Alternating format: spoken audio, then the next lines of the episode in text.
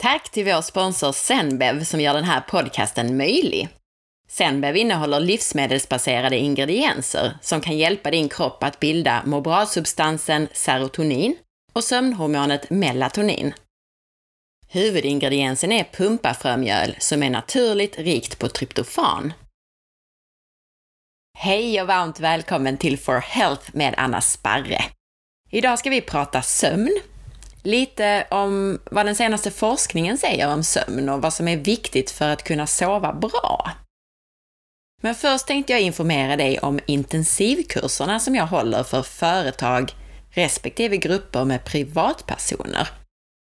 Är ni en grupp som vill spendera två dagar tillsammans och lära er om kost och hälsa? Företag eller privatpersoner är varmt välkomna att göra detta i vackra Fiskebyn Kåseberga på Österlen, när det passar er. Utbildningen pågår dag 1 klockan 13 till 18, inklusive ett hälsosamt mellanmål, och dag 2 klockan 9 till 14, inklusive en nyttig lunch. Schemat kan anpassas efter era önskemål och ni kan utan extra kostnad använda lokalerna resten av dagarna för möten eller konferens. Du hittar all information på forhealth.se hälsohelg. Glöm inte heller att boka mig som föreläsare till ditt event eller företag. Och om du gillar det här avsnittet så blir jag jätteglad om du vill dela med dig av det på Facebook, Instagram eller till en vän. Stort tack på förhand! Idag hade jag tänkt göra ett lite kortare avsnitt, men när jag sitter här och kollar på mina anteckningar och stödord så ser jag att det nog inte alls blir så kort. Jag har precis kommit hem från vårt andra hem i Portugal där vi har spenderat en månad och den här veckan har jag flängt runt i Köpenhamn, i Lund och i Malmö på olika uppdrag och dessutom förberett för en del spännande intervjuer som är på gång. Så därför så hade jag egentligen tänkt göra ett kortare avsnitt. Jag ska ge er ett litet smakprov i alla fall. Två av de kommande intervjuerna, där är en med den andra functional medicine-läkaren i Sverige. Vi pratade ju med den ena, Cecilia, i avsnitt 54 som jag tror faktiskt har blivit det mest populära avsnittet någonsin så här långt. Hur som helst med nästa funktionsmedicinare, som också han är allmänläkare i grunden, så ska vi bland annat prata utmattning och maghälsa med fokus på IBS. En annan intervju kommer att handla om vårt bruna fett. Vad det är för någonting, vad det har för betydelse för fettförbränning och vikt och hur man aktiverar det och lite annat spännande. Men idag tänkte jag alltså att vi fokuserar på sömn. Men det blir inte någon basic genomgång av grunderna för att sova bra eller varför sömnen och sömnhormonerna är så viktiga. Dels för att det är sånt som jag redan har pratat en del om i tidigare avsnitt och dels för att det pratar jag om i mina kurser och i mina föreläsningar och annat. Så nej, idag ska vi prata om ett axplock av lite nyare forskningsresultat när det gäller sömn. En del av er såg den nya forskning som jag skrev om på forhealth.se för ett par veckor sedan, där det verkar som att temperatur är viktigare för din sömn än ljus och mörker. Och jag kommer till detta snart. Annat som man forskar på är hur sömn respektive sömnbrist påverkar vår hjärna, vårt minne och vår inlärning. Man fortsätter också att forska på hur sömn påverkar hormon och immunsystemen. Jag tänkte börja med vad studierna säger om sömnens betydelse och avsluta med vad de säger om vad som är viktigt för att du ska sova bra. Sömntips helt enkelt. Ny vetenskap visar att sömn inte bara skyddar våra minnen. Sömnen hjälper oss till och med att återskapa det som vi redan har glömt. Tidigare så har man visat att om man sover så stabiliserar man minnen. Man glömmer inte bort saker över tid, utan man gör dem mer stabila. Men en ny brittisk studie visar att sömnen inte bara stabiliserar minnen, utan ger oss åtkomst till minnen som vi inte visste att vi hade från början. Häftigt va? Forskare har känt till att sömnen skyddar våra minnen i snart 100 år och sömnen hjälper oss att minnas eftersom det sovande tillståndet ger oss en chans att gå igenom våra upplevelser ytterligare en gång. Tidigare forskning har bland annat visat att det är under sömnen som vissa minnen väljs ut och andra sållas bort. För lite sömn gör oss känsligare för stress och på så vis så blir det svårare att komma ihåg saker under press om sömnen uteblivit. Det har också visat sig att ju snabbare vi somnar efter att vi lärt oss något, desto större chans är det att vi kommer ihåg. En ny sömnstudie utgår från två tidigare minnesexperiment. Försökspersoner fick då lära sig olika låtsasord som de sen skulle försöka komma ihåg direkt efteråt, men också efter en längre tids vakenhet eller sömn. Slutsatsen blev då att personerna kom ihåg bättre efter att de hade sovit. Men i den här nya studien som analyserat resultaten mer i detalj blev det tydligt att även ord som försökspersonerna inte kommit ihåg direkt efter ordtestet, de dök upp för dem efter att de hade fått sova. Så även om de inte kom ihåg dem direkt efter så fick de sova så kunde de sen poppa upp, de här orden som de hade lärt sig.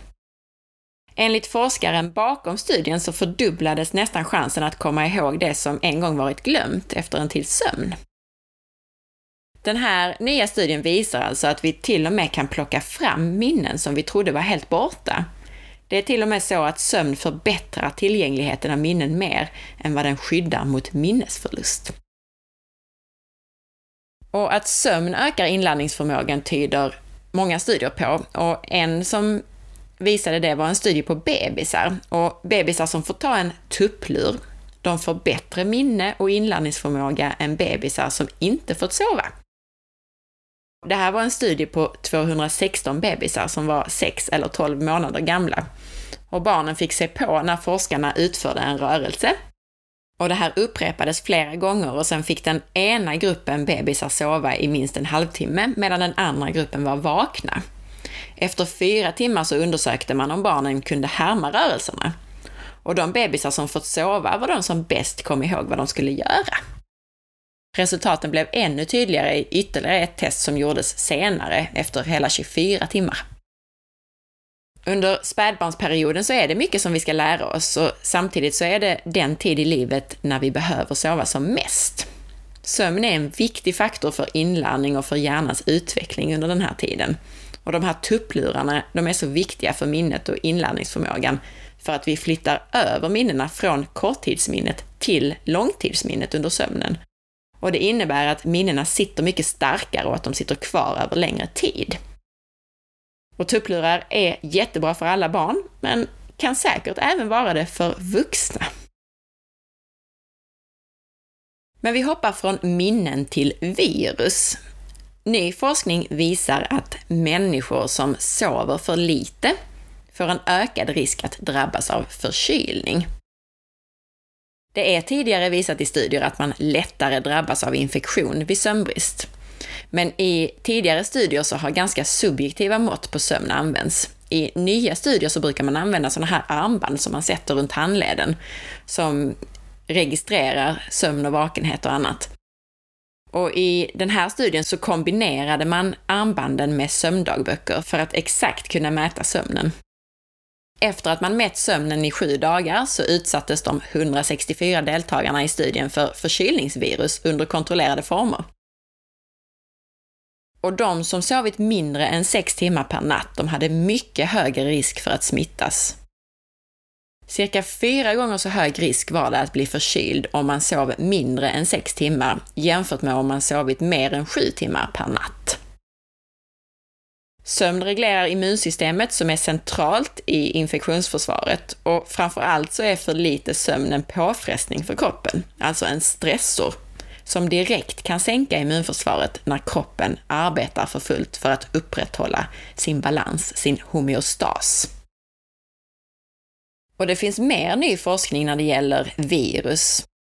När det gäller influensa så finns det ett protein i hjärnan som hjälper kroppen att besegra influensan när du sover. En grupp forskare från USA har hittat ett protein som både hjälper oss att sova och gör oss friska snabbare.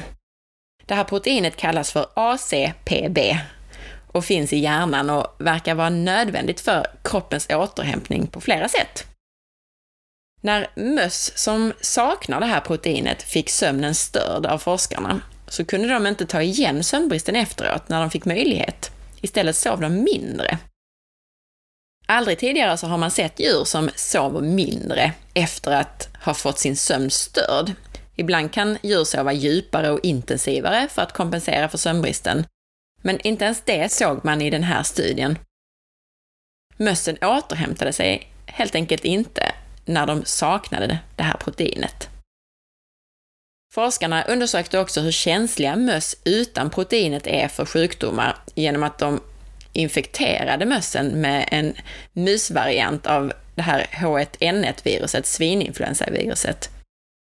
Mössen sov mindre, de rörde sig mindre, de fick värre symptom och de hade mycket högre dödlighet än möss som hade det här proteinet ACPB. Proteinet verkar alltså vara nödvändigt för både sömnen och för immunförsvaret. Forskarna är förvånade över att ett järnprotein kan ha så stora effekter när influensaviruset inte kan sprida sig till hjärnan. Vi ser influensan som en lungsjukdom och vet inte alls hur hjärnan är inblandad i att bekämpa ett virus i lungorna. Men ju mer vi kan sova när vi är sjuka, desto bättre är det enligt forskarna bakom den här studien. Dessutom, förutom sömnens inverkan på inlärning och på virus, så är det så att när vi sover så utsöndrar vi som mest testosteron, alltså det här uppbyggande, välgörande hormonet. Medan sömnbrist flera dagar i rad ger lägre testosteronnivåer. Så sov gott för att få en bättre testosteronutsöndring. När det gäller vad som funkar för sömnen då, vi börjar med väldigt intressanta nya studier på naturfolk som antyder hur vi sovit under evolutionen. Tre olika stammar, eller naturfolk, som lever som jägare och samlare i Tanzania, Namibia och Bolivia har studerats. Forskare har studerat deras sömnvanor för att få en inblick i hur våra förfäder kan ha sovit. Forskarna utrustade stammedlemmarna med sådana här armband som jag nämnde tidigare, som mäter aktivitet och en del andra faktorer som till exempel ljus i omgivningen. Något som visade sig var att de inte gick och la sig när solen gick ner, utan i snitt tre timmar efter solnedgången. De gick heller inte upp direkt i samband med soluppgången, utan oftast ungefär en timme tidigare än så. Både tajmingen av sömnen och hur länge man sov var istället tätt knuten till den kallaste delen av dygnet. Slutsatsen som forskarna dragit är att sömnen inte är särskilt tätt länkad till solljus, eftersom varken tiden då sömnen påbörjades eller när den avslutades var särskilt konsekventa i förhållande till soluppgång och solnedgång. Utan att det istället är knutet till den kallaste delen av dygnet, det vill säga temperaturen verkar vara väldigt viktig för sömnen. Forskarna hoppas att det här ska kunna leda till en utveckling inom behandlingen av sömnproblem eftersom man tidigare fokuserat mer på ljus än temperatur. Jag tycker personligen verkligen att det här stämmer bra med mina egna erfarenheter. De nätter jag sover som bäst, det är när det är kallt i sovrummet. Så fort temperaturen stiger så vaknar jag. Och som sämst sov jag förresten när min kropp var som allra varmast och det var när jag var gravid och när jag ammade. Och om du har missat det populära sömntipset som jag delade med mig av för ett drygt år sedan var det ungefär, så hade det just med temperatur att göra. Och det inlägget hette ett grymt bra sömntips, tror jag. Jag har egentligen massor med tips när det gäller hur du optimerar sömn och melatoninproduktion och de flesta relaterar till att skapa en miljö och en sömn som så långt som möjligt liknar hur vi har levt som jägare och samlare under evolutionen. Som till exempel att ha riktigt mörkt och att sova på rätt timmar. Men det här var ett helt annat tips. Tipset är så enkelt som att ta en liten handduk som du blöter i kallt vatten. Lägg denna antingen över fotlederna eller över hals och nacke. Och där påverkar den nämligen snabbt kroppstemperaturen. När du går och lägger dig så somnar du snabbare och sover bättre av det här. Den kalla handduken hjälper oss att sänka kroppstemperaturen, vilket kan göra det lättare att somna. Det här gäller ju mest de gånger som du inte har riktigt svalt i sovrummet. Men dagsljus är ju inte obetydligt, inte minst för andra saker än just sömnen, som eh, serotoninproduktion till exempel, som vi har pratat om i, en tidigare, eh, i ett tidigare avsnitt.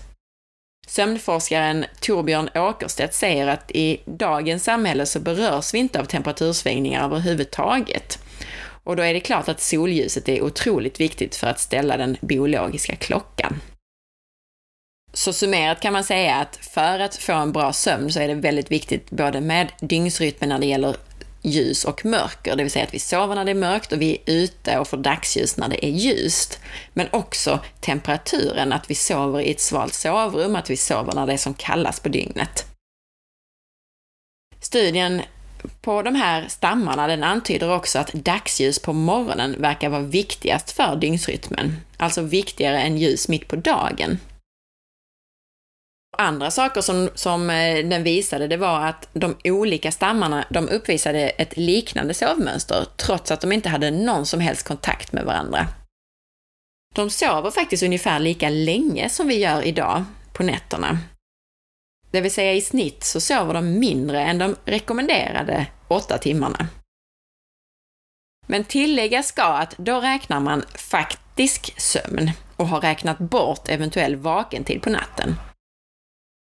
Alltså när man säger att de här stammarna sover mindre än de åtta rekommenderade timmarna så betyder det att det här armbandet har registrerat när de faktiskt sover. Så att eh, om du säger att du går och lägger dig klockan 11 och vaknar 7 och därmed sover 8 timmar så är inte det jämförbart för att det tar en liten stund att somna, du kanske har vaknat till på natten ett par gånger.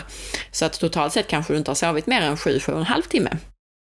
Och det forskarna mätte på de här stammarna var alltså hur länge de faktiskt sov.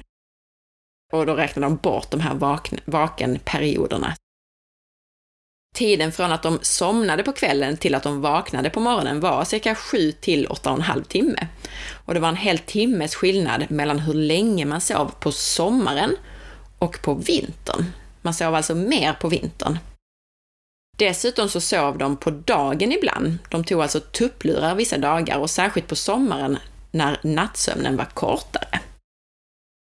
De gick konsekvent upp samma tid på morgonen. Eventuella dagliga variationer i hur länge man sov berodde istället på vilken tid man somnade på kvällen. Det verkar alltså vara smart att vara väldigt regelbunden i vilken tid man går upp på morgonen för att ställa sin dygnsrytm och över tid sova bra.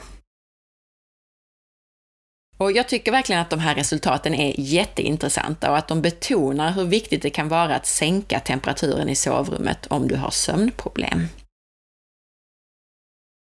Andra tips jag har lämnat på sistone har med alkohol och kaffe att göra.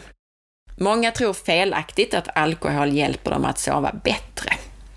Det stämmer att alkohol kan göra dig mer avslappnad så att du somnar lättare, men sömnen kommer inte att göra dig utvilad på samma sätt som om du inte har druckit. Och du vaknar lättare också. Alkohol stör nämligen kroppens produktion av melatonin, sömnhormon alltså. En annan sak som jag ofta stöter på är att man tror att kaffedrickandet inte stör sömnen eftersom man inte dricker kaffe på kvällen. Eller att man tycker att man somnar lika snabbt ändå fast man dricker kaffe och därför inte tror att det stör sömnen. Koffeinet har sin största verkan 3-4 timmar efter intag och kan verka långt efter det. Så att dricka kaffe klockan 18 är ingen god idé. Senast eh, klockan 3-4 på eftermiddagen skulle jag sluta med koffeinintag för att inte störa nattsömnen för mycket. Koffein är ett centralstimulerande gift alltså. Eh, I låga doser så gör det dig pigg och aktiv. I höga doser kan det istället ge ångest och oro och i ännu högre doser, motsvarande minst cirka 100 koppar kaffe då, så är det faktiskt dödligt. Och som jag har skrivit innan så har vi genetiska faktorer som avgör hur vi tolererar och reagerar på kaffe. Så det kan du söka. Sök på eh, kaffedrickande genetiskt eller någonting sånt där på forhealth.se så hittar du det inlägget. Anledningen till att koffein finns det är att det fungerar i växter som ett naturligt gift. som kan paralysera och döda vissa insekter när de äter av växterna. Och mot större djur så agerar det så att de kan göra djuren oroliga så att de inte stannar och äter någon längre tid på samma plats. Naturen är rätt smart alltså. Koffeinets effekt beror delvis på att det påverkar det autonoma nervsystemet och främst på att koffeinet blockar receptorer för adenosin i det centrala nervsystemet. Adenosin är en signalsubstans som dämpar vakenhetsgraden. Och det finns också adenosinreceptorer i njuren och när de här receptorerna blockeras där i, i njuren så ökar urinmängderna. Så effekten av koffein är ju då att när det blockerar adenosin i hjärnan så ökar det vakenhetsgraden. Och när det blockerar det i njuren så ökar urinutsöndringen. Så det är ju urindrivande och uppiggande. Och det här adenosinet då som koffein blockerar, det fungerar som så att det skapar trötthet genom att det i samband med bindningen till receptorerna i hjärnan saktar ner neuronernas aktivitet. Bindning av adenosin i hjärnan gör också att blodkärlen vidgas och eventuellt är detta för att hjärnan ska kunna få tillräckligt med syre under sömnen. Problemet är bara att adenosinreceptorerna inte kan skilja på adenosin och koffein och därför så binder koffein vid adenosinreceptorerna och blockerar dem. De som har intagit koffein känner sig alltså inte sömniga eftersom aktiviteten i cellerna ökar istället och blodkärlen dras samman. I och med att koffeinet blockerar adenosin och aktiviteten i hjärnans neuroner, neuroner är alltså hjärnceller, nervceller, att aktiviteten i de här, den ökar, då tror våra kroppar att den ökade aktiviteten i nervcellerna beror på en nödsituation. Och då stimulerar kroppen binjurarna att producera adrenalin, alltså stresshormon för fight or flight-systemet så att säga, sätter vi igång av kaffe. Det var lite om, om alkohol och kaffe och totalt sett så var det ett axplock av nya studier på sömn som jag hoppas gav er både motivation till att prioritera sömnen och tips på vad som är viktigt för att kunna sova bra. Som temperatur till exempel och att inte dricka en massa alkohol och koffein på kvällarna. Tack så mycket för att du lyssnade. Jag hoppas att du gillade avsnittet. Och om du gillade podcasten så glöm inte att dela med dig.